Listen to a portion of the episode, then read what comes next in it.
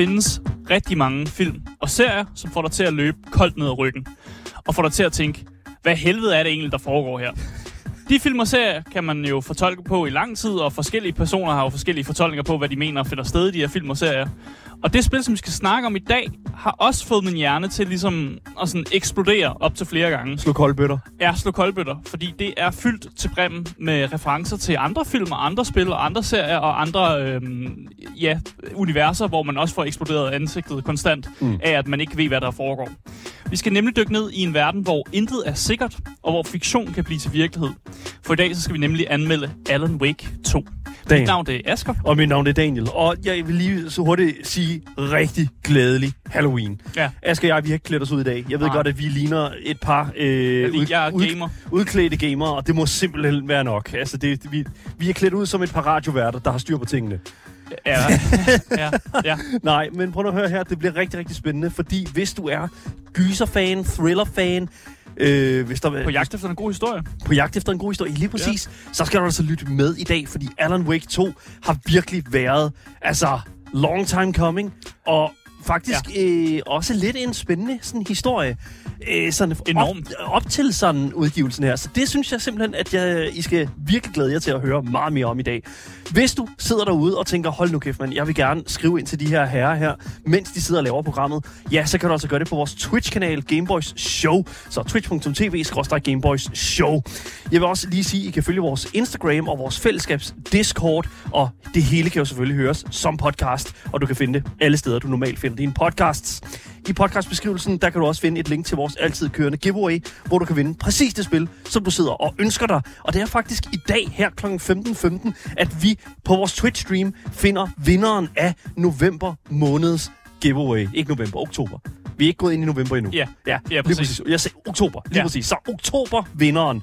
Lige præcis. Så det bliver virkelig, virkelig spændende. Det bliver sjovt, og det bliver rigtig fedt at give det noget gratis væk. I love it.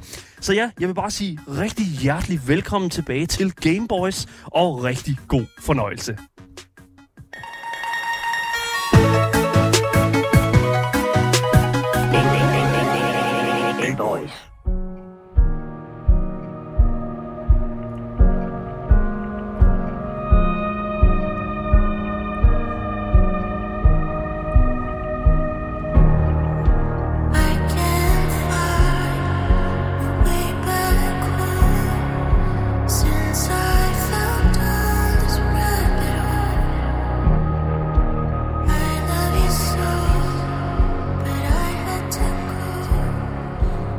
Ja, lidt melankolsk, øh, trist sang er det, vi lytter til lige nu. Det, det er sjovt. Jeg er normalt ikke til øh, lyrik Nej. i, øh, i soundtracks. Øhm, Men når det er viber på den her måde, ikke? Jeg vil så også sige, at lige præcis musikken er kun at finde øhm, i slutningen af alle chaptersne. Ja. Kommer der noget musik, og der kigger man bare på sådan en sådan noget, der virker som sådan lidt en ocean, der bevæger sig meget sort og sådan noget der. Sådan blob-agtigt. Det- det er lidt mens ligesom der sådan spiller en- det her musik. Efter hvert chapter, så er der sådan en ny Bond-sang. Ellers, Eller ellers sådan en Bond-intro. for det meste af tiden er det bare øh, real lyd. Ja. Så øh, jeg tror ikke, du, er, du bliver så sur over soundtracket af det her spil. Jamen, det er også det, hvis der bliver gjort plads til det på den rigtige måde, så er det, det, fint. Det gør der. Det gør der bestemt. Fantastisk. Øh, Alan Wake 2, det er udgivet af Epic Games uh, Publishing, Mm. og så er det udviklet af Remedy Entertainment. Ja. Og øh, det er en, jeg tror, den har været en rigtig god deal for Remedy Entertainment. Ja. Øhm, de står bag spillene som Max Payne 1, Ja. Max Payne 2. Mm. Mm. De har også lavet et øh, glimrende spil, der hedder Control. Og Quantum Break, mener jeg også, de har lavet. Ja. Øhm, de er baseret i Finland. Ja. Ikke så tit, at jeg synes, vi støder på sådan finske sådan, uh, game developers. Øh, og man kan godt mærke, at de er baseret i Finland, når man spiller Alan Wake. What? At der er så, så mange... Øh, altså hele den by, man, man er i, det er sådan en, de er baseret på sådan øhm, finske indbyggere, eller sådan, det er Okay. øh, finske tilflyttere Ja. til USA og sådan noget der. Ja. Så de har, der er en masse finske flag og, sådan, og nogle navne, der godt kunne være sådan noget finsk, og man kan også mærke, der er noget sådan oldnordisk sådan over det også. Mm. Øh, man kan godt, så man kan godt mærke det, at de gerne vil ligesom hylde, at de er fra Finland, og de er en finsk øh, developer. Sure Remedy enough. Entertainment. Ja. Øhm, men jeg synes altså, at de har gjort det godt med det her stykke spil, og øh, jeg kommer jo til, at det bliver en ren kærlighedsfest for mig, når jeg skal til at gå, gå ind i den her anmeldelse af Alan Wake 2, fordi jeg har gjort det vildt godt. Øh, og ham, der er fortaleren for Remedy Entertainment, er lidt også en karakter i sig selv. Han hedder øh, Sam Lake, som heller ikke er hans rigtige navn, så det, han bruger også et pen name. Han, Øhm, har, han har sådan et... Ja, Han har et kunstnernavn. han er til at, han er, er at finde i spillet. Ja. Han spiller en karakter i spillet, og han spiller også en karakter, som er sådan semi-vigtig for historien. Og han, han eksisterer på et metaplan. Ved, du- ved du, hvad vi kalder det her? Ja. Det er Kojima Syndrome. Ja. Det er The Kojima Syndrome, Han det her. er creative director, og Ja. hvis man ser nogle interviews, hvor de snakker om Alan Wake, så er det nok ham, man ser dem med. Øh, men han er, han er, han er, han har embodied hele det her metaplan, som er på, og det, det, er, ja, det er svært at forklare, men jeg tror, hvis man spiller spillene, så tror jeg måske godt, man kan se, hvad jeg mener med, med, med når jeg siger, at han er på et metaplan. Jamen, det, det er det der med sådan, når, når man har en øh, creative director, altså en CD, som, som, Ja. altså, som putter sig selv... Han var creative director, right? Ja, han er Ja, creative okay, director, super. ja. Super. Når en creative director putter sig selv så meget ind i sit sådan produkt, at man nærmest kan, man kan nærmest smage. Altså, det, det, det, det, at spille det her spil her, det er ligesom at kysse ham, ikke? Ja, Ja. jamen det er det. Ja. Øh, der er næsten sådan en scenespil. Ej, nej, Damn. nej, det er der ikke. Damn. Men jo, det er næsten som at kysse ham, og jeg synes, han har gjort et fantastisk stykke, arbejde, og jeg elsker den måde, han ligesom leger med de forskellige medier, som, mm. som er at finde i det her spil.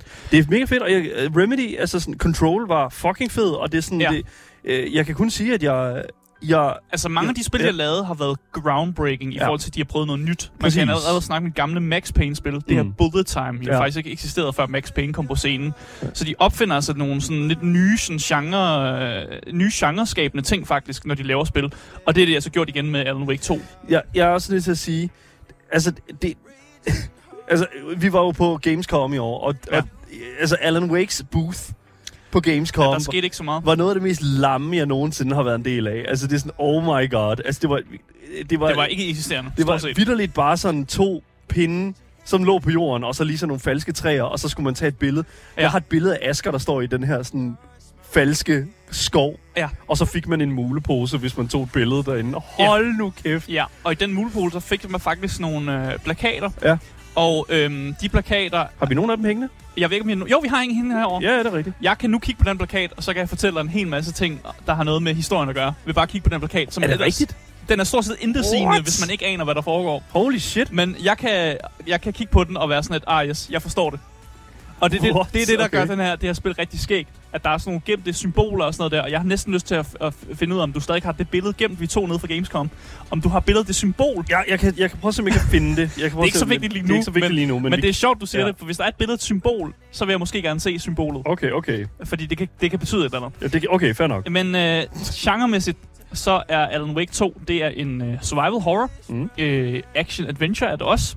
Og så har jeg også valgt at putte det sidste tag på, som er surrealisme. Ja. Fordi rigtig meget af det her spil, der skal man virkelig sådan... Man skal ud i nogle steder af tankegangen, hvor, man, hvor alt kan, lidt kan lade sig gøres. ja. Så det er meget surrealistisk, og man skal ikke tænke... Øh, man skal bare tænke i nogle andre baner, ja. tror jeg, sådan jeg vil beskrive det. Ja, okay. Uden at kunne få meget ring der. Mm. Platform og øh, prismæssigt, så kan du få det på PlayStation 5. Mm. Mm. Du kan få det på en Xbox Series X og S, og du kan få det på PC. På konsollerne, der koster det ens 456 kroner. Og hvis du køber det på Epic Games, hvor det er det eneste sted, du kan få det for PC, så jeg synes ikke, jeg kunne se det på Steam, mm. så kunne du øh, købe det til 300, 380 kroner. Okay. Det er jo også Epic Games, der publisher det, så det giver mening, at det er en Xbox exclusive. Det vil en Xbox exclusive, en Epic Games exclusive. Ikke Epic Games exclusive, hvad sagde jeg? ja, ja, Jeg sagde noget andet, hva'? ja, ja, du, ja, Xbox exclusive. Nå, ja, jeg mente Epic Games ja, exclusive. selvfølgelig ja, gør det. Ja, ja, ja. Nå, nu har jeg set, du har fundet billeder Ja, jeg har lige fundet billederne her. De er skide gode alle sammen Ja. her. Jeg, der lytter med på podcast og radio, it doesn't matter. Yes, det er mest de der grene, der ligger på jorden til højre, jeg er interesseret i. Oh my god. Men dem har du ikke billeder af. Jo, det har jeg nok. Jeg, jeg, Okay. jeg, jeg, jeg fik jo vide, at jeg bare skulle tage nogle billeder, Ja, ikke? ja. Og nu er det vigtigt. De ligger her. Okay, lad mig se. De ligger her. Vent lidt. Lad, lad mig lige vise, øh, vi- vise folk, der, folket derude også. Ja, vi har nogle, Vi ja, har det, nogle billeder Det er mig, der står i et Alan her. Wake-sæt der. Ja, ja. ja. Er, det, er det her noget? Øhm, grenen er ikke noget, nej. Det er ikke... Nej. jeg troede i, det var sådan nogle øh, kultistiske symboler, som Oh, havde, fordi God. de har nogle symboler, nogle kultister i det her spil, og det, det kan betyde nogle forskellige ting. Men, øh, men det der er ikke noget. Look at this. Og jeg ser bare... Asger, der står og ser fuldstændig vanvittig ud. Ja, perfekt. Oh my god. Ja, det var det eneste, der var på Gamescom. Anyways, det her det var mit førstehåndsindtryk til det her spil her. Øh, Ja. Sådan, perf- øh, øh, sådan, hvad skal man kalde det, sådan commercial øh, lineup. Men jeg vil sige, at det er fandme alligevel godt tænkt, fordi at jeg tror, at hvis man havde vist for meget Alan Wake 2, så tror jeg simpelthen, at man har spoilet det. Okay. Og jeg vil allerede nu, når vi, inden vi overhovedet kommer ordentligt ind i en anmeldelse, sige, der, jeg kan ikke love, at jeg ikke kommer til at spoile det, fordi bare det, jeg snakker lidt om det her spil, er i sig selv en spoiler. What? Det er der, vi er. det, det er lidt mærkeligt at sige, men, men, men der, hvor jeg er i spillet, er måske et forskelligt fra, hvor andre er i spillet, og det kan Mm. gøre, at man, man opdager nye ting, og man har forskellige fortolkninger på det, så uanset hvad jeg kommer til at fortælle om det her spil, så er det måske ikke det, der er det rigtige, eller det, nogen synes er det rigtige. Ja, okay. Og det er derfor, at alting er lidt en spoiler. Ja. Så hvis man gerne vil opleve Alan Wake 2 i sin sådan fulde form, så vil jeg allerede nu sige, at det kommer til at, man, jeg kommer til at anbefale det her spil. Mm. Øh, men der er måske nogle spoiler i det her, øh, det, det her sådan review af det. Fordi Alright. det, det kan ikke undgås, når, Nej. hvis vi bare skal beskrive allerede starten af det, som muligvis er fiktion eller ikke fiktion. Det, altså, det er der, vi er. Ja, okay. det, det, det bliver weird og mærkeligt. Ja, okay, fair Så enough. jeg skal gøre mit bedste for ligesom at give sådan introduktionen af, hvad der egentlig foregår i Alan Wake. Og, og hvis det går helt galt, ja. Så har vi en spoiler warning. Ja, jeg har spoilet warning, og det er en anbefal, og jeg synes, det er et glimrende spil, og ja, det, er- det er There mega nice. Alright, men hvorfor Ja. skal man bruge sine penge på det her spil? Det er jo netop det, som vi skal finde ud af. Præcis, og ikke? jeg vil først for lige forklare, hvad det egentlig går ud på, Ja. ja. sådan, i sådan grund, grundbase. Yes. Uh, Alan Wake 2, det er en direkte uh, fortsættelse til tidligere spil, så det er ikke en prequel eller ikke en sådan noget andet. Det er en fortsættelse til et andet spil. Mm. Og der er altså gået 13 år, siden Alan Wake på mystisk vis forsvandt. Og nu vil jeg godt lige få dig, få dig til at lave tankeeksperiment. Hvor mange år tror du siden, at det første Alan Wake kom ud? Let's go, dude. Ja. Det der, der, der er nogen, der spurgte, eller der er nogen, der kom, hvad, folk, hvad de har brugt pengene på. Prøv at høre. Ja. Det er det her. De har brugt det på det her. Oh. Ja. Det er vildt, men jeg må også lige sige en ting. Ja. Og det er, det er en David Lynch-ting, det her. Ja, ja. Det her, det er en Twin Peaks-ting. Ja, ja Fordi- det, altså du render rundt det- på noget, der hedder men- Mirror Peaks Men også. prøv at høre her. Yes. Det, der var jo et overlap på 25 år fra den første, altså fra den første serie. Ja. øh, første, de første sæsoner af Twin Peaks, og til den her nyeste sæson, som er kommet ud for ikke så lang tid siden. Ja. Der gik 25 år. Det bet- han har været væk i 25 år, Ja, ja. Cooper. Ja, ja. Og det er også det, jeg synes, der er så vanvittigt fedt, når man bruger real time til ligesom at også at lave et, sådan et, et spænd af tid Præcis. i den her fiktive verden. Ja, der er, Fucking gået, genial. der er gået 13 år siden Alan Wake på mystisk vis forsvandt. Og nu er vi i skoene på Saga Anderson. Og hun er en FBI-profiler. Så hendes job, det er simpelthen at være god til at, sådan, at, at kunne kigge på en crime scene og, være sådan et, og sætte sig ind i mindspace af, hvem den mistænkte kunne være. Ja. Det er det, en FBI-profiler gør. Åh, oh, jeg elsker navnet Saga. Jeg synes, det er fedt. Ja, hun har en, øh, en, jeg tror en svensk forælder, som er grund til, at hun hedder Saga og Andersen. Øhm, at Det er ligesom hende i Broen. Det er Ja. ligesom hende, altså på, fra tv-serien Broen. Ja, ja. Oh my god. Ja, ja. Og hun øh, er partneret sammen med Alex Casey. Og øh, ikke for at sige for meget om Alex Casey, men det er netop Sam Lake, som spiller Alex Casey. Og Alex Casey er også en karakter, som er at finde i Alan Wakes øh, kriminoveller. Al- Nå, okay, fair nok. Så det er ikke, det er ikke Sam Lakes rigtige navn. Nej. Fuck, det kunne have været Nej, genialt. det er det ikke. Oh my Øh, god, yes. Og de, øh, Al- Alex Casey og Saga Anderson, de udforsker nogle ritualistiske mor. De er jo FBI, så det er det, de, Ah, det, er det, de gør. Så yes. Og deres øh, sidste offer er en tidligere FBI-agent, som også forsvandt for 13 år siden. Og det gør sagen lige sådan ekstra knudret, fordi man har ikke set ham her i 13 år. Og jo mere Saga ligesom udforsker, jo tættere kommer hun på, at alt det her, de her ri- ritualistiske mor og de her forsvindinger, det har sgu alt sammen noget at gøre med Alan Wake. Og det er sådan, vi, vi kommer tættere på Oh, yes. hele den her historie. Jeg, har, Åh. jeg har faktisk ikke lyst til at fortælle så The meget lore. mere, fordi at man skal selv dykke ned i det. Al den, al den fede, fuldfede lore. Ja, mm. ja. Og øh, med det, så tror jeg, at øh, jeg vil dykke ned i gameplayet i Alan Wake 2.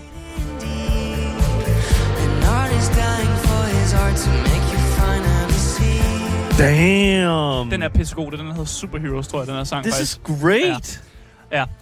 Så jeg vil først sige, øh, jeg har ikke spillet Alan Wake 1, Mm. øh, men jeg vil sige, det behøver du ikke for at kunne nyde Alan Wake 2. Jeg synes, at selvom man ikke får, man får ikke sådan en recap af, hvad der sker i etteren, men jeg synes, at man, jeg kan meget selv følge, øh, fylde sådan the gaps af, hvad jeg har misset i Alan Wake 2. Men det er også et kado til altså den storytelling og den måde, som storytelling bliver altså, Ja. udført på. Og det er også derfor, man skal virkelig sige, øh, sige til sig selv her, at det, sådan, det kan godt være, der står to tal, Ja. men bare rolig. Du kan Du- godt opleve det på sig Du selv. kan godt få et fedt mysterie, en fed, altså det, no worries.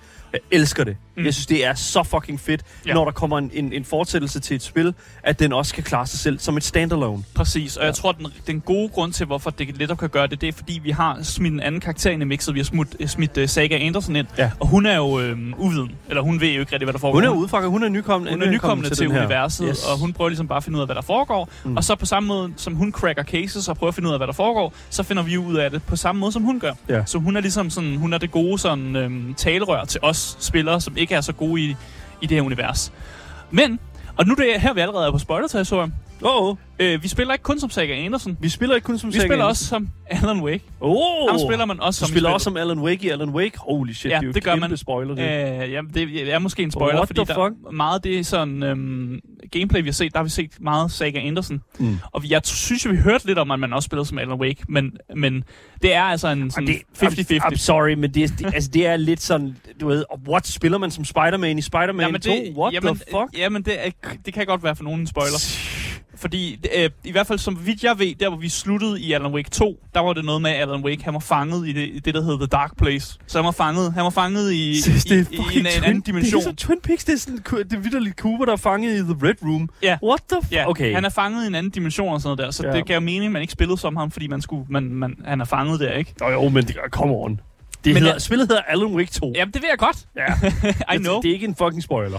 Men det er det ikke. øh, Alan Wakes historie og Saga Andersons historie er sideløbende. Mm. Og man kan selv vælge, om man vil spille Sagas side af historien først, eller om man spiller Alan Wakes side af historien først. Man vælger selv, du kan også mixe det op. What? Okay, det, er Det- fucking Det spændende. er to forskellige sideløbende sådan singleplayer ting, som så til sidst jo, du ved, kulminerer i, i en samlet historie. Men du vælger selv, hvilken rækkefølge du gør det, og alt afhængig af, hvilken rækkefølge du gør det, så får du nok nogle andre, sådan, har du andre, kan, kan du fortolke på andre måder, tror jeg. Er sådan, jeg vil beskrive det. Mm. Øh, jeg mixede det meget op, øh, men i teorien kunne du jo bare, du kunne køre hele Alan Wake stykke, du kunne køre hele Saga stykke eller omvendt. Men jeg mixede det op og spillede øh, Saga, så spillede Alan Wake, så spillede Alan Wake, så spillede Saga. Det var sådan, jeg gjorde det. Så jeg kørte lige sådan to træk på hver, og så gik jeg videre. Øhm, det der er med det her spil her, hvis man bare lige har svært ved at forestille sig, okay, hvad, hvordan er det egentlig, man, man, når man ser det her? Det er et øh, tredjepersons horrorspil, øh, og jeg vil sige, at den her tredjepersons horror-genre, den faktisk er en øh, lille smule sådan på vej tilbage. Mm. Altså, vi har set det med de sidste sådan, remasters af Resident Evil, og som også har klaret sig virkelig godt. Ja, det er virkelig, Og- virkelig fedt. Tredjepersons horrorspil, den er ikke død. Altså, jeg ved godt, at det er meget mere skræmmende, når alting er første person. Fordi du, du er meget mere sådan immersed inde der. Men jeg synes virkelig, at tredjepersons øh, horrorstilen, den gør meget for det her spil. Og øh, jeg vil sige, mekanisk, så er der også mange ligheder mellem Alan Wake 2, og så mange af de her nyeste remasters af Resident Evil-spillene. Så hvis man godt kan lide de nye, eller de remasters af Resident Evil-spillene, så tror jeg også, der er rigtig mange ting, man godt kan lide ved det her Alan Wake, og der er mange ting, man godt man genkender. For eksempel det her med, at man har en rygsæk, eller jeg ved ikke, om man skal kalde en rygsæk, man har et, et gearspace, Ja. og her der skal man ligesom placere ting ligesom sådan Tetris. Altså ting fylder noget bestemt, og man kan ikke have, man kan ikke have plads til det hele.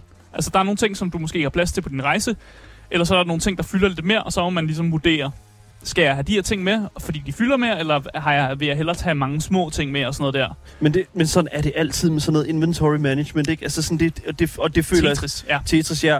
Jeg synes, at det er en fin måde at gøre det på, fordi det jo netop er en... en, en det, det i sig selv er en, er en måde, hvorpå at, at du ligesom som, som spiller skal tænke dig om. Altså Ja. det, er sådan, det får dig til at tænke på en anden måde, end hvis det er sådan, du bare havde, lad os bare sige sådan et øh, Skyrim, Back of Holding, øh, Battle. Baldur's Gate 3, altså øh, andre karakterer, du bare kan smide lort over på. Altså Og sådan det gør jo også, ja. ja. at vi netop får smidt det der uh, term på, som er survival. survival, Og det er ikke kun er et horrorspil, Nej, men ja, det er også et præcis. survival horror, fordi øh, ressourcer, dem, de er sgu ikke infinite.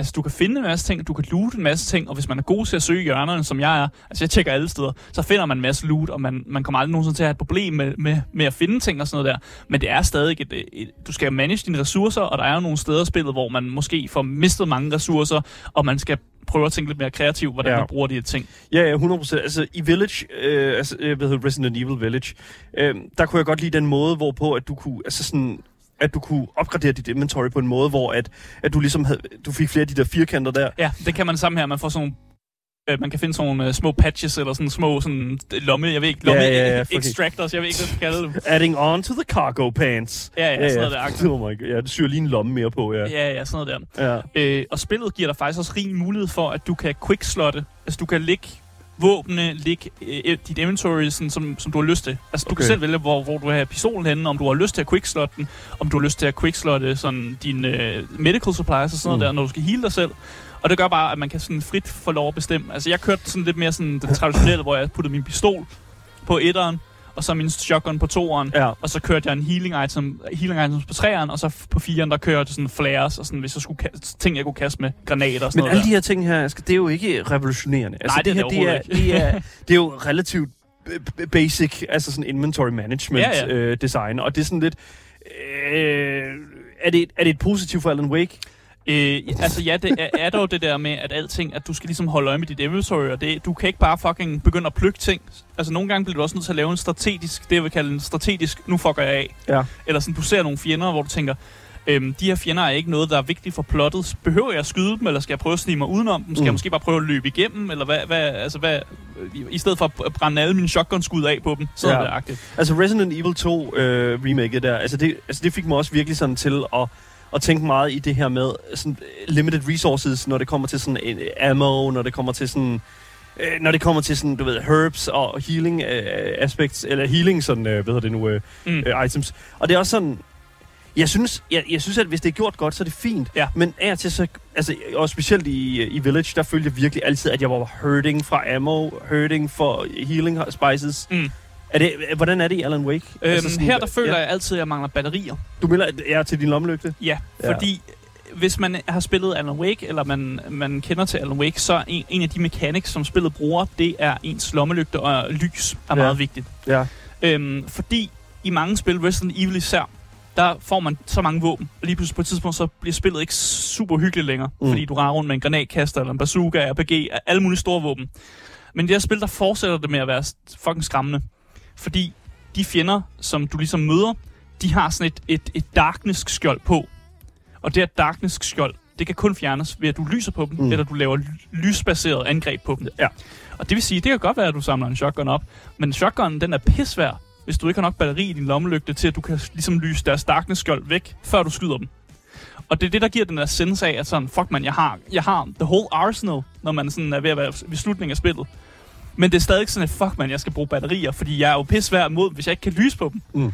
Og det er det der med, at man kan godt, man kan godt rende rundt med sine store våben, men, man, er- men alligevel føle sig, at man bliver jagtet, fordi at man har ikke det middel, som er lommelygten, eller nogle andre ting, som kan give lysskade på dem. Der bliver allerede sagt skill issues i, uh, i, i, i, i chatten, Asger. Jamen, jeg, jeg ville ønske, at jeg bare kunne headshot mine fjender, de var døde med det samme. Men, Men når de har det darkness skjold på, så er de mere øh, hårdføre. Hvad fanden er det, minder mig om det her? Det minder mig om en helt specifik... Øh, det minder mig om en fjende i Layers of Fear, øh, det andet gyserspil der, hvor du også har en, øh, sådan en, ja. en lommelygte, eller sådan en lampe, som du skal lyse på, øh, på fjenderne Ja, med. det er simpelthen dit vigtigste Ja. våben, det er lommelygten. Ja. Det, det, det, er sådan, det er gengangeren fra, når du starter spillet til når du slutter spillet, der er lommelygten, det er, din, det, det er dit våben. Det er dit vigtigste Ja. våben, det er så det er simpelthen lommelygten. det er også... Øh, jeg Det er også den, der gør, at du kan se noget. Ja, Kallis. Kallis skriver også, at du er en FBI-agent, og du har ikke ammo, batterier, lommer. What the fuck, come on. Ja, du har en masse ammunition med, men jeg tror ikke, Andersen havde regnet med, at der skulle skydes på sådan, du ved, øh, mærkelige entiteter, som ikke rigtig eksisterer i virkeligheden. Hun har kun taget AA-batterier med, men det var altså AAA-batterier. For helvede. Ja, og normalt så plejer man, når man putter et par skud ind i en normal person, så plejer de sådan, at du ved, falde rimelig hurtigt. Men når man putter skud ind i mærkelige entiteter, der kommer ud af skyggerne, så er det sådan lidt, De er built different. they build different. Er built different. Jamen, De kommer er fra en anden del af byen, dude. Ja. Ja. Øh, men jeg kan godt lide, hvordan man leger med det her lyselement, og at mange af de monster, de som kommer af skyggerne, eller de har noget skyggeagtigt over sig. Mm. Og det gør så, at lyset, det faktisk er din redning i spillet. Øh, og det gør også, at nogle gange kan man komme til steder, hvor der for eksempel er en lygtepæl, der måske er en lampe, og i de her lyskejler, der kan man stille sig, og så kan fjenden ikke se en. Du er simpelthen usynlig i lyset. Nice. Og det giver sådan en, det er jo sådan en, en nice mechanic, som på en eller anden måde er mening også. Det skal give sådan en ro, at vi finder mod lyset. Vi er Mm. mennesker, det er meget naturligt for os, at vi, ligesom, vi stopper morgenen, vi, vi, vi har vores hverdag i lyset. Så det der med, at det er også lyset, der ligesom redder dig fra mørket, og, det, og monstrene ikke rigtig kan se dig, når du står i lyset, det synes jeg faktisk er en fin nok mekanik. Okay. Og der er et eller andet sådan, det er meget... Ja, kliché på en eller anden måde, men meget sådan, det it makes sense. Lad mig, bare det. sige, lad mig bare sige på den måde her. Det, det, det er jo, det, det, som du siger, det er meget kliché. Men Mm. det er også meget sådan, det, det er en, det er, en, det er en måde at skrive story på, det er en måde at skrive også game design, Ja. øh, som, som, altså, som vi har set før. Øhm, men hvad er det, der revolutionerer det her, Asger? Ja, det, det er også det, som jeg synes, er meget interesseret i. Det er også sådan, hvad er det, der gør Alan Wake 2 til den der sådan revolutionerende gameplay-oplevelse? Altså meget af det, den revolutionerende gameplay-oplevelse, det kommer af. Vi kan allerede tage det, vi faktisk lidt kigger på i gameplayet lige nu. Ja. Øh, faktisk bare for at springe videre til det. Ja. Øhm, det er, jeg vil sige, der er lidt flere lag af gameplayet. Øh, Saga, hun er jo en øh, sådan FBI-profiler, Mhm. så hun kigger meget på tingene på meget en detektivmåde. Og det, hun kan gøre, det er, at hun kan gå ind i det, der hedder hendes mind place. Og hendes mind place, Hendes mind place. ja, hun går ind i sig selv. Damn. Når hun er inde i sig selv, så står hun inde i sådan et uh, rigtig sådan FBI-agtigt rum, hvor hun har en stor tavle, hvor hun kan putte sådan ting op med sådan røde tråde og sådan billeder og spor og clues, hun finder. Og står meget i sådan et arkivrum-agtigt, ikke? Mm. Og er meget sådan FBI-agtigt. Ja, ja, der, der, der er lige sådan uh, lidt, øh, hvad er det, antlers, uh, sådan Yes. I Ja. virkeligheden så er det her, det, øh, man kunne tro, at det her var sådan, om det er, fuck man, det er gameplay det her. Faktisk så det her, det er jo bare en interaktiv menu, Ja.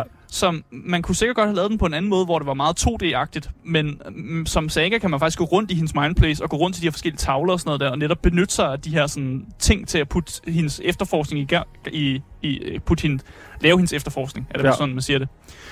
Og det, der er interessant ved det her mindplace også, det er, at spillet er rigtig nederen mod dig. Man får, man får meget hurtigt at vide, sådan, når du er inde i dit mindplace, så pauser spillet ikke. Så hvis du befinder et eller andet sted, og du begynder at vil putte ting sammen, så kan det godt være, at- du, du lukker ned for dit mindplace, og så står der måske lige en fjende eller to. Fuck, jeg, jeg, elsker, jeg elsker bare den der tanke med, at du- Saga lø, altså, løber igennem skoven. Og hun skal lige, Hun hun skal lige ind i, ind i sit mindplace. hun skal lige, hun skal lige prøve at løse ting på sit blackboard og sådan noget der, ikke? Fuck. Ja, okay. Ja, og nogle gange er det ret vigtigt, fordi du vil gerne finde ud af, hvor noget er, eller noget, altså løse et, et, clue eller sådan noget der, og det skal du bruge Saga til ligesom at få løst det. Du kan ikke selv regne det ud. Nej. Det kan man nogle gange godt selv, men, Ja. men hun skal ligesom sådan, det skal gå op for hende. Jeg kan godt lide den, den form for sådan øh, nervøsitet, der altid følger med sådan den, den måde at lave menuer på, fordi det er... Ja, ja, det pauser lad- ikke. Uh, Jamen lige præcis, lad, bare sige sådan, hvad, hvad hedder det nu, From Software-spil. Altså alle, alle menuer. Der er Ja, ja, ikke en eneste menu i det spil, men udover selvfølgelig title menu, altså inden du overhovedet kommer ind i spillet, som altså som pauser spillet. Og jeg, jeg, jeg, jeg synes faktisk, det er lidt fedt, fordi du er altid på tæerne. mm. Så, ikke? Og i Ja. gyserspil, der er det faktisk en virkelig, virkelig fed, øh, fed til, tilføjelse. Ja, præcis. Og øh, min yndlingsting til gengæld inden det her Mindplace, det er, når Saga, hun skal gøre det, hun jo, det er hendes bread and butter, når hun skal profile mistænkte, Okay. eller vidner, eller andre personer, hun møder på sin vej. Ja. Og det er her, hvor fucking Alan Wake, de spiller med de der visuelle muskler, som jeg kommer til at snakke rigtig meget om. Altså, det, det er et af de flotteste sådan, sådan visuelle spil, sådan, og der gør noget helt nyskabende også. Når man laver de her profiling, så det, der sker, det er, at det er nærmest en forhør med hende selv, hvor hun sidder ved bordet, og hun stiller nogle spørgsmål, og så dukker de her personer op, som hun er i gang med at profile, de dukker op sådan bag hende i sådan nogle, nogle lysglimt. Men de her lysglimt, det er live action. Så det er sådan rigtige personer, at de personer, du What? har mødt, som jo er, når du møder personen, så er de jo øh, computergrafik. Ja. Men når de så er bag dig, og du, de laver det her, så er det live action, sådan personer, der kommer i sådan nogle flashes, som siger ting til dig. Og det, det lyder altid en lille smule ondt, og det, det er er det- altid hvad- en lille smule kryptisk. Hvor er det uncanny et eller andet sted, det, ikke? Altså det er sådan virkelig sådan, man får virkelig sådan, åh, uh, hun, nu går, det er fordi, jeg tror, de prøver at vise det der med, at når Saga, hun skal lave sådan en, en profiling en mistænkt, så går hun nogle meget mørke, dybest, nogle virkelig nogle, nogle steder ind i sig selv, som ikke er rare. Mm. Hun, fordi hun virkelig prøver at finde ud af, okay, den her fucked up person, hvorfor har den her fucked up person gjort det her? Hvad, hvad, hvad er grunden til det, hvad, hvad gemmer de som på og sådan noget der? Mm. Og, og det gør jo så, at hele scenen, den som lyset dæmper sig, og hun går et mørkt sted hen, og de her personer dukker op sådan ligesom i, bag, i baggrunden, i sådan live action format. Og det er virkelig sådan, uha, det, det er super fedt lavet. Altså det, det er sådan noget, der virkelig for, for Asger sådan gamergen, det er virkelig sådan noget, fuck mand. Det her er så fucking godt tænkt. Og det gør, det gør bare så meget for den oplevelse af, at man nu man finder ud af noget nyt om en person. Og det er personen selv, der fortæller dig det, men de fortæller dig igennem, hvad, hvad Andersens sådan, profiling af den der person er. Men hvordan er hun sikker på, hvad deres... Altså, det er jo selvfølgelig ud fra data, som hun har fundet. Ja. Ja, okay, Hun er aldrig enough. nogensinde sikker. Nej, nej. Det er jo meget, for meget, meget af hende, er det jo et gæt, Ja. egentlig, hvad hun tænker, den her person ligesom, øh, kunne tænke sig, eller hvor, hvor kunne den her person have lagt sine nøgler? Og så spørger hun personen inde i sit mindplace, sådan, hvor har du lagt dine nøgler? Og så siger hun, "Jamen, det er jo fordi, at jeg bla, bla, bla, bla, har gjort det her, og jeg har lagt mine nøgler i bilen, fordi det var den, jeg kom i. Sådan noget agtigt. Det, det, simpelthen, jeg synes faktisk, at det er super interessant at få den sådan metode sådan udlagt, øh, øh, altså sådan bredt ud på den måde, der er på en... Det, er, det synes jeg netop, som du snakker om, der, det er meget nyskabende, det her. Ja. Det her med at komme så tæt på detektivens metode, som man jo egentlig, det lyder til, at vi gør her. Ja. Altså det, øh, tit og ofte, lad os bare sige sådan L.A. Noir for eksempel, ikke? Mm-hmm. Mm. Øh, også et glimrende detektivspil. Ja. Øh, altså, der kører du jo rundt og skal også... Øh, Interrogate folk. altså, virkelig, du skal afhøre de her mennesker her, Ja. og læse deres ansigt og den slags der. Men alt det her, det foregår ude i den virkelige verden, hvor du skal læse deres, deres cues. Ja.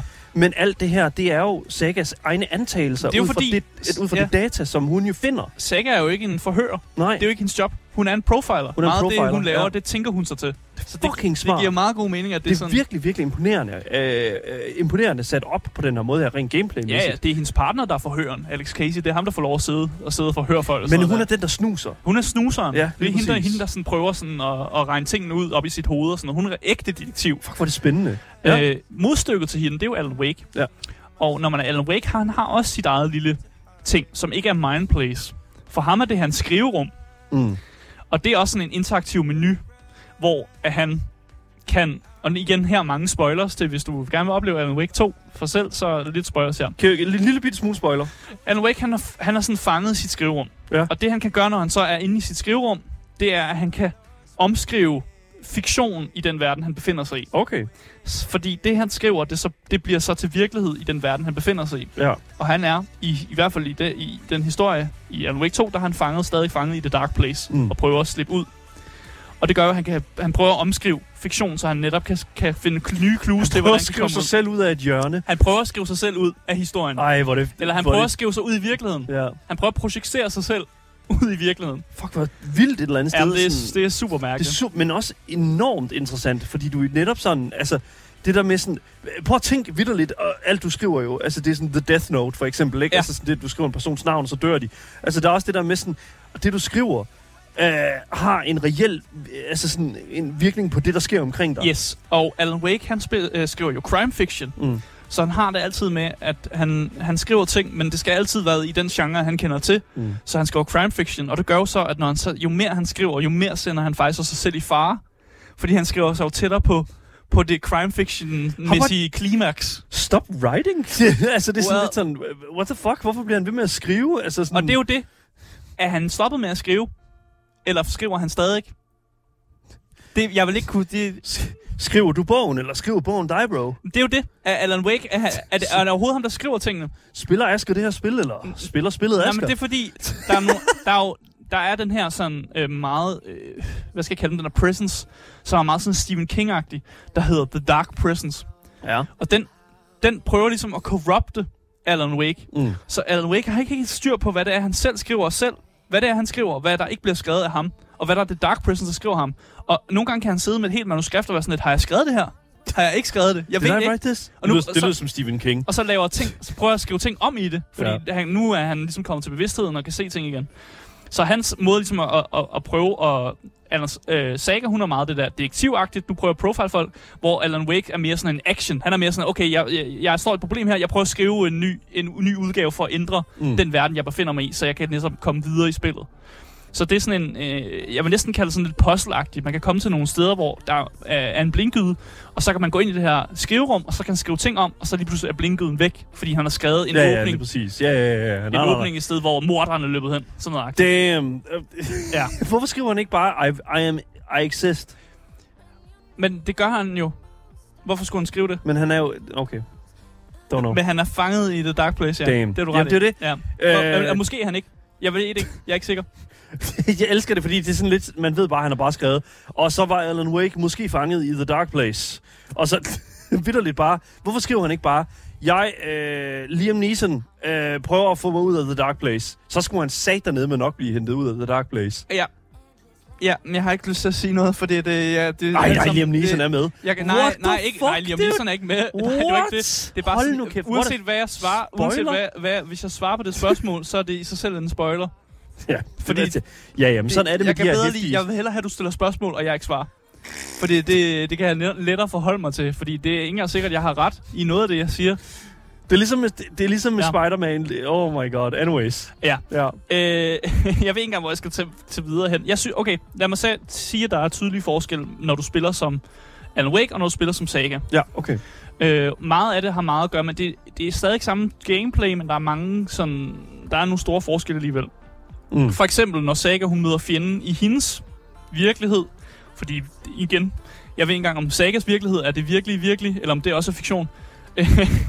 når hun møder fjender, så handler det meget om at ligesom have sin våben klar, og kunne håndtere sådan mange agile fjender. Mm. Det er meget mere sådan intens og actionagtigt. Og når du er Alan Wake, så render du rundt i The Dark Place. Og der er alting bare lidt nederen. Og der handler det mere om, at man skal spare på sine batterier, fordi alt kan være en fjende. Sådan alle skygger har en Det, er ligesom i Outlast. Oh my Ja. god. Altså seriøst, Alan Wake, der, er der, er det bare øh, paranoid gameplay. Og når man er Saga, så er det meget sådan, lidt mere sådan action-agtigt. Det er mere Resident Evil. Ja, mere Resident Evil, hvor man, der er mere sådan en, en, en, en anden fremgang i det med Alan Wake, der fucking føler man bare, at man stumbler in the darkness. Okay, Fordi så, lyder er det, så, fucking okay. weird. så lyder det jo som om, at Saga, Resident Evil Ja, og Alan Wake, Silent Hill. Øh, ja, ja det altså, altså, hvis, altså, jeg begge dele er meget Silent Hill-agtige for at Okay, helt ærlig, ja, men, ja. Men, men ja. Øh, og, så, og igen det der med, at Alan Wake han befinder sig i The Dark Place, og der kan man aldrig helt regne med alting. Altså der er de her skygger, som render rundt, Mm. og, og jeg pisset rigtig meget batteri af på at de her skygger til at forsvinde. Ja. Ja. Fordi nogle af skyggerne vil angribe mig, og nogle vil ikke gøre det. Og man finder bare ud af, det skal man ikke gøre, fordi du ender med at løbe tør for batterier, Ja. og så kan du ikke beskytte dig mod de skygger, der rent faktisk angriber dig. Så du bliver nødt til at stumble dig igennem de skygger, som bare sådan visker i dit øre sådan, wake, Alan Wake. Og det er sådan altid rigtig tæt på dit øre. Sådan på sådan, og det, jeg hader det. du har ikke det, batterier nok. det er det værste i verden. altså, jeg ved, der er så mange gange, hvor jeg bare har været ved at pisse my pants, fordi jeg er kommet et eller andet sted hen, og så lige pludselig kommer bare sådan en, kommer bare sådan en, en stemme, der visker, Alan Wake, Alan Wake. Ja, og de visker altid det- bare hans navn. Det er Liam Neeson. Det er, det er ikke fordi, de siger noget specielt, eller Hvor er siger noget sådan, you're gonna die, eller sådan noget. Det er bare Alan Wake. Og det bare sådan, fuck. fuck Wake mig. up, wake up. Ja, det her spil er... Øh, det, det, her, det kilder ved mig på en måde, hvor jeg faktisk bliver en lille smule bange. Ja. Og normalt, når jeg spiller øh, horrorspil, så, det, så plejer det ikke at sætte sig i mig på samme måde. Men der er bare et eller andet... Det, det er forvirringen, tror jeg. Okay. Det er det confusion. Ja. Altså, også, at man kan også mærke på Alan Wake, han er fandme også forvirret. Og han prøver også bare sådan at klar, fucking... He's just trying to get by. Mm. Også, også bare sådan forsøger sådan at hjælpe sig selv og hjælpe Saga og alt det der. Og det samme med Saga, hun prøver også bare sådan... Nu er hun ligesom hed ind i det her, og nu prøver hun også bare fucking at finde en, en, finde en vej ud og ligesom få løst de her problemer. Øhm, fordi hun også, også øh, ikke for at spoil for meget, men også bliver lidt mere personligt inddraget Ja, i. Alan Wakes historie. Ja, ja. Lad os bare sige det på den Hun måde. får, hun, får ligesom, hun får ligesom en hest i, i løbet, ikke? Ja. ja. Hun får en hest. Hvad betyder det? Du ved, hun, er, hun får en hest med i løbet. Ja, nå ja, ja, ja. jeg forstår, hvad du Ja. Jeg forstår lige præcis, hvad du mener. Ja. She gets a horse! ja. Øh, selvfølgelig, når du render rundt i terrænet, så kan du finde en masse ting. Der er forskellige stashes, hvor man kan øh, åbne ved at løse nogle puzzles. Mm. Det kan jeg anbefale, man gør. Der er nogle virkelig gode våben. Så det skal man altså ikke... Øh, Okay. det, til folk, der ligesom spiller et spil, øh, åbn de her stashes. De er gode og løse puzzlesene. Og hvis Mm. I gider løse dem, find en Google. Google. Find en. Vitterligt, var det. Der, er- og det har jeg sagt for siden dag Ja. i dag. Hvis du, hvis du finder et puzzle i sådan et game her, vitterligt, bare google det. Ja, der var et puzzle, hvor der var et matematikstykke, der sidder jeg og lavede det i hånden. Fordi det var det eneste, jeg synes var lidt sjovt. Ja, ja, selvfølgelig, men altså, det er sådan, ja, Ja, selvfølgelig, men det er også bare sådan lidt, just, just cut, it, cut, cut it short. Ja.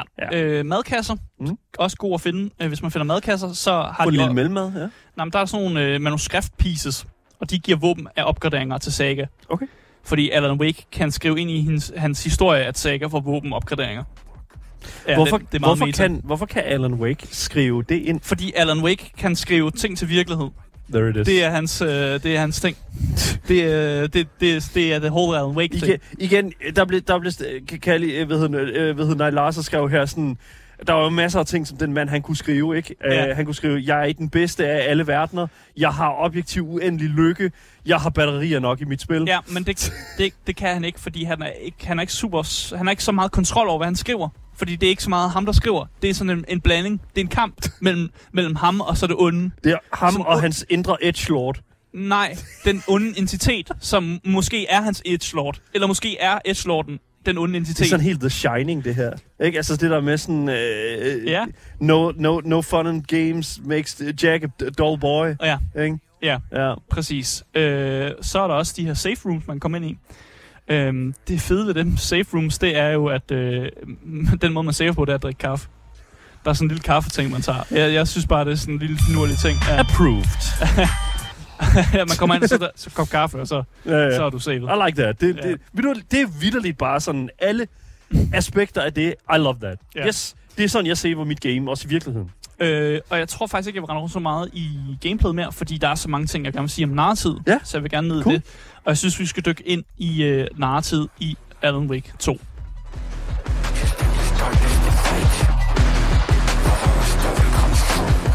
Damn, det er edgy. Ja, ja det er meget edgy, det der.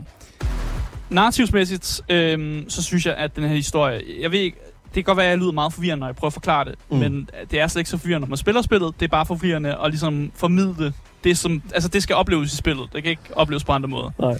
Jeg synes, historien er virkelig god. Ja. Fucking virkelig god, Ja. faktisk. Okay. Den har det helt rigtige niveau af, jeg aner ikke, hvad der foregår, men også sådan med, at for hvert 15. minut, man ligesom spiller det her spil, så er der et eller andet, der ligesom cranker i ens hjerne, hvor man begynder at forstå nogle ting, og man begynder at putte puslespilsbrikkerne sammen Ja. på en måde. Og det kan godt være, at den måde, jeg putter dem sammen, ikke er den samme måde, som andre vil fortolke det på, men jeg synes, jeg begynder at få en forståelse af, hvad der foregår i det her spil. Jeg kan godt lide, at alle de karakterer, du møder, de er fucking mystiske. Og det er, det er næsten sjældent, at du har en normal samtale med nogen. Fordi alle i den her by også er fucking kryptiske og snakker helt mærkeligt. Oh my altså God. den første karakter, ja. som Saga møder i byen, det er sådan en servitrice ind på sådan en diner. Som lige fortæller Saga sådan, om jeg er ked af, at din datter er død. Hvor Saga sådan, din datter er da ikke død. Og så ringer han lige sin datter for at sikre sig, jamen hun er ikke død. Men servitrisen har bare lige sådan kigget på hende straight in the eyes og bare sådan, ah, ked af, at din datter er død. Og man er bare sådan, what? Damn, that's, that's not cool, What man. the fuck? Uh, you're under arrest. Øh, Overhovedet ikke, men det er bare det der med, at alle, man har de mest, man har sådan nogle mærkelige interaktioner med folk, og, sådan, og man kan godt mærke, at den der, der, der er noget uneasy i den her by. At sådan, alle kigger der på det lidt, på en lidt mærkelig måde og sådan noget der. Det er Det er sådan, sådan, alle taler i tunger. lidt, ja, og sådan, alle, alle, har en, alle har en gåde, ikke? ja, og det er bare ja, sådan ja, lidt noget sådan, oh my god, shut the fuck up. Ja. Øh, jeg er vild med den måde, man har sat det op, med at man kører de her sideløbende historier med Saga og Alan Wake, og at de øh, ikke mødes, men alligevel gør det. Det er meget interessant, at de Ja. ja. sådan, altså, at det er delt op på den måde der, men stadigvæk er connected. Altså, Men sådan, stadig det, connected, ja. Ja, lige præcis. Altså, det er, det, det, det synes jeg er et interessant, øh, en interessant sådan storytelling, øh, eller sådan plot device. Mm. Øhm, utrolig svært at udføre ordentligt. Ja, præcis, og jeg synes, det gjorde det godt. Ja. Øh, narrativsmæssigt, så synes jeg, det er meget stærkt. Man bruger rigtig meget live-action i det her spil. Mm. Mm. Det er noget, jeg ikke har snakket super meget om, men det gør jeg jo så nu. Ja, ja, tænker du. Hele historien er jo meget opbygget op omkring, hvad, hvad er virkeligt, mm. og hvad er fiktion. Ja. Og jeg tror, at studiet har gjort det rigtig godt, når de leger med det der med, at ekstra, de leger jo rigtig meget ekstra med konceptet, når de hyrer live-action skuespillere til at ligesom spille øh, øh, fase, altså cutscenes, hvor man ser nogle ægte personer rende rundt. Ja. Og man netop, man bliver meget i tvivl om, hvad der er ægte, og hvad der er fiktion. Fordi når, når alting er computergrafik, så kan vi jo godt, man godt tage sådan en, en metadistance, hvor jeg er sådan, jeg sidder ved computeren, jeg spiller det her spil. Men når man ser en, nogle ægte skuespillere gøre ting, så bliver man, man bliver bare lidt mere i tvivl. Jeg synes, at der er noget eerie, når man inkorporerer er live action eerie. på den måde. Der. Bare sige sådan en uh, film som for eksempel uh, Across the Spider-Verse, ikke? Altså, eller Into the Spider-Verse, eller whatever den hedder. Ja. Den seneste Spider-Verse-film, ikke? Hvor det er sådan, at du lige pludselig har Donald Glover, uh, som sidder i live action, ikke? Og interagerer med, Ja. uh, med, med de andre altså sådan karakterer, eller man ser sådan klip fra de sådan andre som Sam Raimi-filmene og sådan noget, ikke? Ja, ja. Det, det er utrolig eerie. Ja, især også sådan noget med, når man for eksempel det klip, vi ser nu på scenen, hvor man ser computergrafiks Alan Wake kigge på ikke computergrafiks Alan Wake sidde i skriverummet. Det, øh, der, er- der er et eller andet helt fuck ved det der. Der er noget utrolig, utrolig, altså næsten Uncanny Valley-agtigt ved det. Ja, Ja. øh, mange af de karakterer, du selvfølgelig også møder, det der med, de taler tunger og sådan, og alt, de altid har en gåde og sådan noget der. Man er heller ikke sikker på, om de er rigtige personer, eller om de også er skabt af fiktion. Fordi nogle gange så er de bare sådan on the nose, sådan karikeret, at man er sådan et, du er ikke en ægte person. Man, det, du er fucking skrevet. Og, og det mærkelige er, det først, det var også en ting, jeg lægger mærke til, at man ens partner, Alex Casey, Ja. Hver gang man drikker sin kaffekop, så drikker Alex Casey kop, kaffe på samme tid. Så man gør det sådan totalt synkront kaffedrikning. Men det er fordi... Uh, Mens de begge to, du ved, stiger lige ud i luften. Save the game. Nej, det er, ikke, så- altså, det, er- det er bare sådan... det- I de der scener, hvor de drikker kaffe, hvor jeg Ja. virkelig bliver sådan, what the fuck? Og det er jo fordi, og man bliver lidt i tvivl, fordi Alex Casey er jo teknisk set en karakter skrevet af Alan Wake i hans crime fictions. Åh, oh, shit, okay. Så, ja, men øh, og det Oh kommenterer Alex. Casey også på, sådan, han er også sådan, om jeg har læst de der bøger og sådan noget, jeg synes, det minder meget om mit liv. Det er lidt mærkeligt, det her. og det er bare sådan, der er bare så mange uncanny ting i sådan narrativet der også. Ja, det er meget meta, alt det her. Altså Ja. sådan, den måde at lave den her storytelling på, er jo en sådan, en konstant sådan, et konstant callback til sig selv. Ja, og Altså, man, kan jo, det- man kan smide Ja. alle de gode horror tropes ind, fordi ja. man ikke er sikker på, om det er fiktion eller ej. Det kan, man, kan, man kan tillade sig at være kliché. Ja, Ikke? og Ja. selvbevidst. Ja. Og en, en af de ting, hvor jeg var rigtig var sådan, åh oh, nej, det er seriøst, når du kommer ind i sådan et øhm, cirkus, Mm. der hedder Coffee Land. Okay. Ja, igen der, det er, det er vanvittigt. Det er også en Twin Peaks ting, alt det der med det Sådan- kaffe der. Sådan, Ja. ja, altså, hvorfor er der fucking, hvorfor har de lavet et sådan fucking, øh, en, forlystelsespark baseret på kaffe? Og, de, Well, og de, dem, der har lavet It's good forlystelsesparken, shit, man. dem, der har lavet forlystelsesparken, det er sådan to, to landsbybeboere, som er sådan... De har lavet alting i den her by. De er enterprise men. Det er dem, der står for kaffen. Det er dem, der sørger for øh, guided tours ud i skoven. Det er dem, der sørger for, øh, de øh, sælger saunaer. De, øh, de, det er dem, der sør- har lavet der Coffee Land. Og sådan, altså, det er bare sådan to dudes, der bare har lavet alting. Og man er sådan lidt, hvad er det egentlig, der foregår her? Og det er sådan lidt, det er sådan... Jeg har lyst til at beskrive det stranger than fiction. Ja. Fordi det er lidt der, vi er, at alting er så selvbevidst og kliché og sådan mærkeligt på en eller anden måde. Mm. Øh, og jeg vil næsten sige, at nogle af de bedste sådan narrative momenter i den her historie, det er faktisk, når spillet næsten er direkte åndssvagt og faktisk komisk. Så meget som spillet er mega scary og uhyggeligt, og jeg ryster lidt i bukserne, så er de bedste momenter, det er faktisk der, hvor øhm, Alan Wake 2 tager noget af et genreskift. Hvad? Ja. Et genreskift? Ja, og der er jeg, ikke mere, jeg har ikke lyst til at spoil mere. Det, der, der sker en mærkelig ting. Okay, så, så det, altså, det går fra psykologisk thriller til noget andet? Eller hvad er det, der bliver ændret? Det vil du ikke ja, sige? måske. Okay, Ja, det synes Ja. jeg godt nok er meget mærkeligt. ja. Sådan, øh, jeg sad Fucking God of War. Ja, jeg sad, What? jeg havde lige, øh, det er sjovt, fordi jeg sad og skrev med min kæreste, sådan, okay, det er fucking scary lige nu i Alan Wake. Og så kommer hun hjem, og så ser hun det, som jeg vil kalde et meget genreskift, hvor øhm, jeg egentlig bare sidder og har en fucking good time. Fortnite. Lige pludselig så bliver Alan Wake bare øh, det sjoveste nogensinde. Det, det, bliver det er sådan, jeg vil beskrive det. Det bliver en fucking looter shooter. Det, det, det, det, var sådan, jeg vil beskrive Hvis det. jeg hører Asger, han har Nej. det fucking sjovt, det, Nej, det er enten ikke- en looter shooter, eller sådan et eller andet fucking vanvittigt hack and slash spil. Nej, nej, overhovedet ikke. Ja, okay. Nej, nej, overhovedet ikke. Det er slet ikke det. Nej, nej, okay. Øh, Mhm. Og jeg har ikke lyst til at, og jeg har faktisk ikke lyst til at rende rundt med What? i nartid, fordi Okay. vi, skal netop snakke om de gode visuals og de Ja. gode lyd i det her spil. Os gøre det. Ja. Det kommer nemlig her. I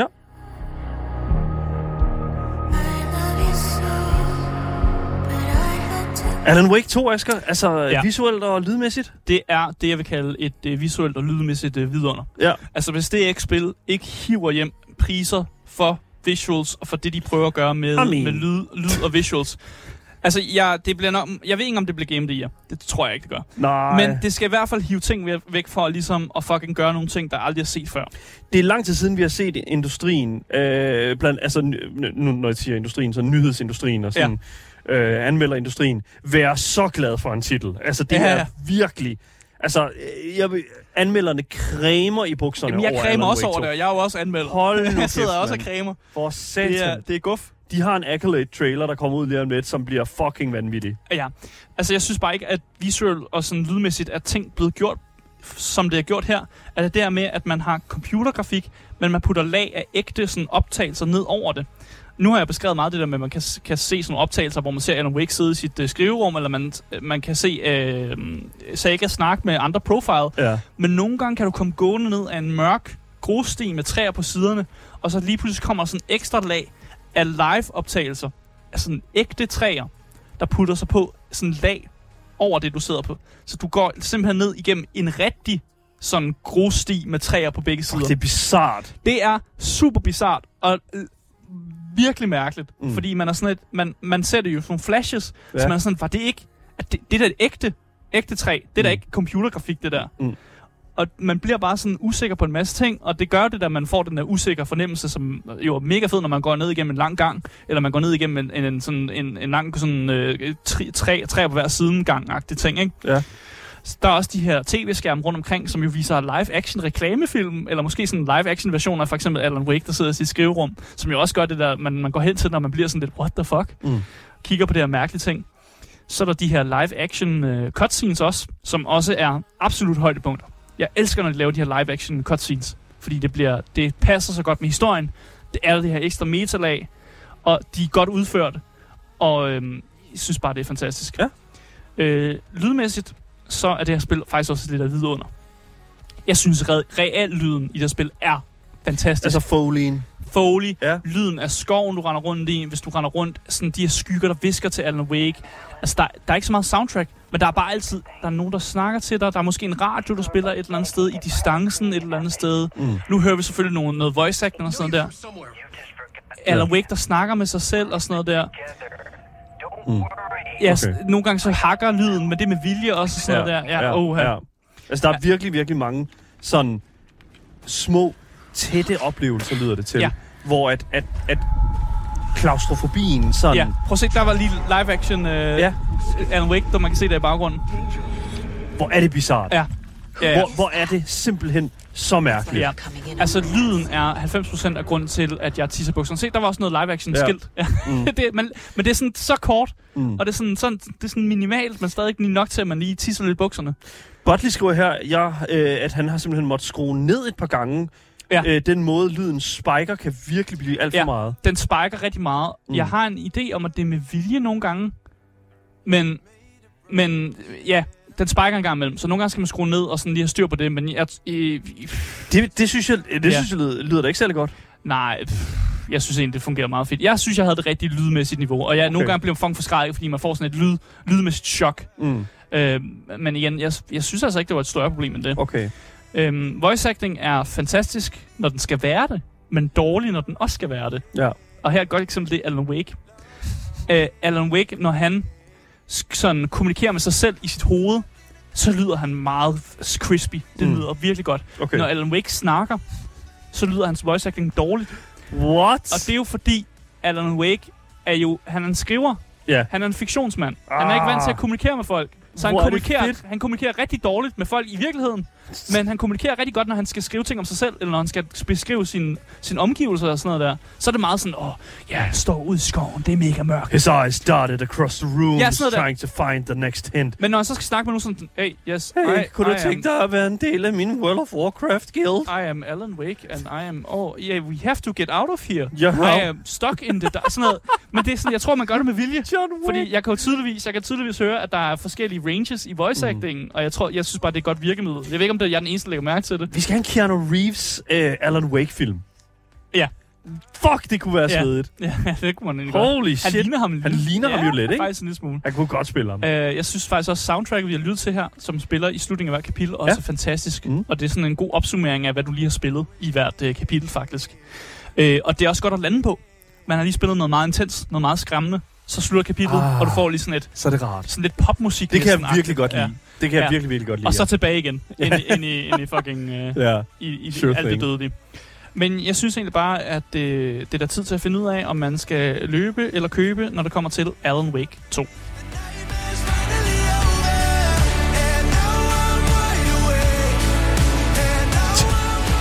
Ja. Sådan noget Imagine Dragons. Ja, man synger The Nightmare's Finally Over, og det er de første sange, du hører, og Nightmare er bare ikke over. Okay, cool. Nå, altså det her øh, normalt horrorspil, det plejer altså ikke at være min kop te. Mm. Øh, primært bare fordi jeg ikke bliver grebet af den der skræmmende stemning, som andre gør, tror jeg. Men Alan Wake 2 har altså oprigtigt gjort mig bange. Og det har den gjort ved hjælp af nogle virkemidler, jeg ikke har set blive brugt før i horrorspil sådan nogensinde. Og jeg er så investeret i historien, og i al den musik, som bare er anderledes, at, at jeg bliver trukket ind med det samme. Også selvom jeg ikke har spillet Alan, det Alan Wake, der kom før det her. Ja. Jeg synes, Alan Wake 2 er alle pengene værd. Alle pengene værd. Og jeg synes, det er faktisk en af de mest unikke horrorspilsoplevelser, der findes på markedet lige nu. Damn. Den er så unik, og så meget, så meget forskelligt fra alt det andet, du kan finde noget. Så det, det er kæmpe køb. Det er kæmpe køb Ja. herfra. Hold nu Ja. kæft, mand. Ja. Er, det, Ja. er det 10 ud af 10? Øh, jeg, vil ikke give, jeg vil ikke give en score. Ej, det gør vi ikke okay. på Game Boys. Men det er bare, der er så mange Det 10 ud af er- 10'ere, men er det det? det er så god en oplevelse. det er virkelig en fed oplevelse. Ja. Det bliver et kæmpe Ja. køb Kæmpe her køb. fra Game Boys. Ja. Asger, tusind tak for anmeldelsen. Ja. Det var alt, hvad vi havde på programmet for i dag. Husk at følge podcasten, så misser du aldrig en nyhed, en anmeldelse eller et interview nogensinde igen. Hvis du vil i kontakt med os, så kan du finde links til at gøre netop det i vores podcast beskrivelse, sammen med et link til vores altid kørende giveaway. Mit navn er Daniel Mølhøj, og med mig i studiet har jeg haft Asger Bukke. Yes, yes. Vi er tilbage igen meget snart med meget mere gaming og meget mere Gameboys til jer top tier gamers. Vi ses alle sammen. Hej hej.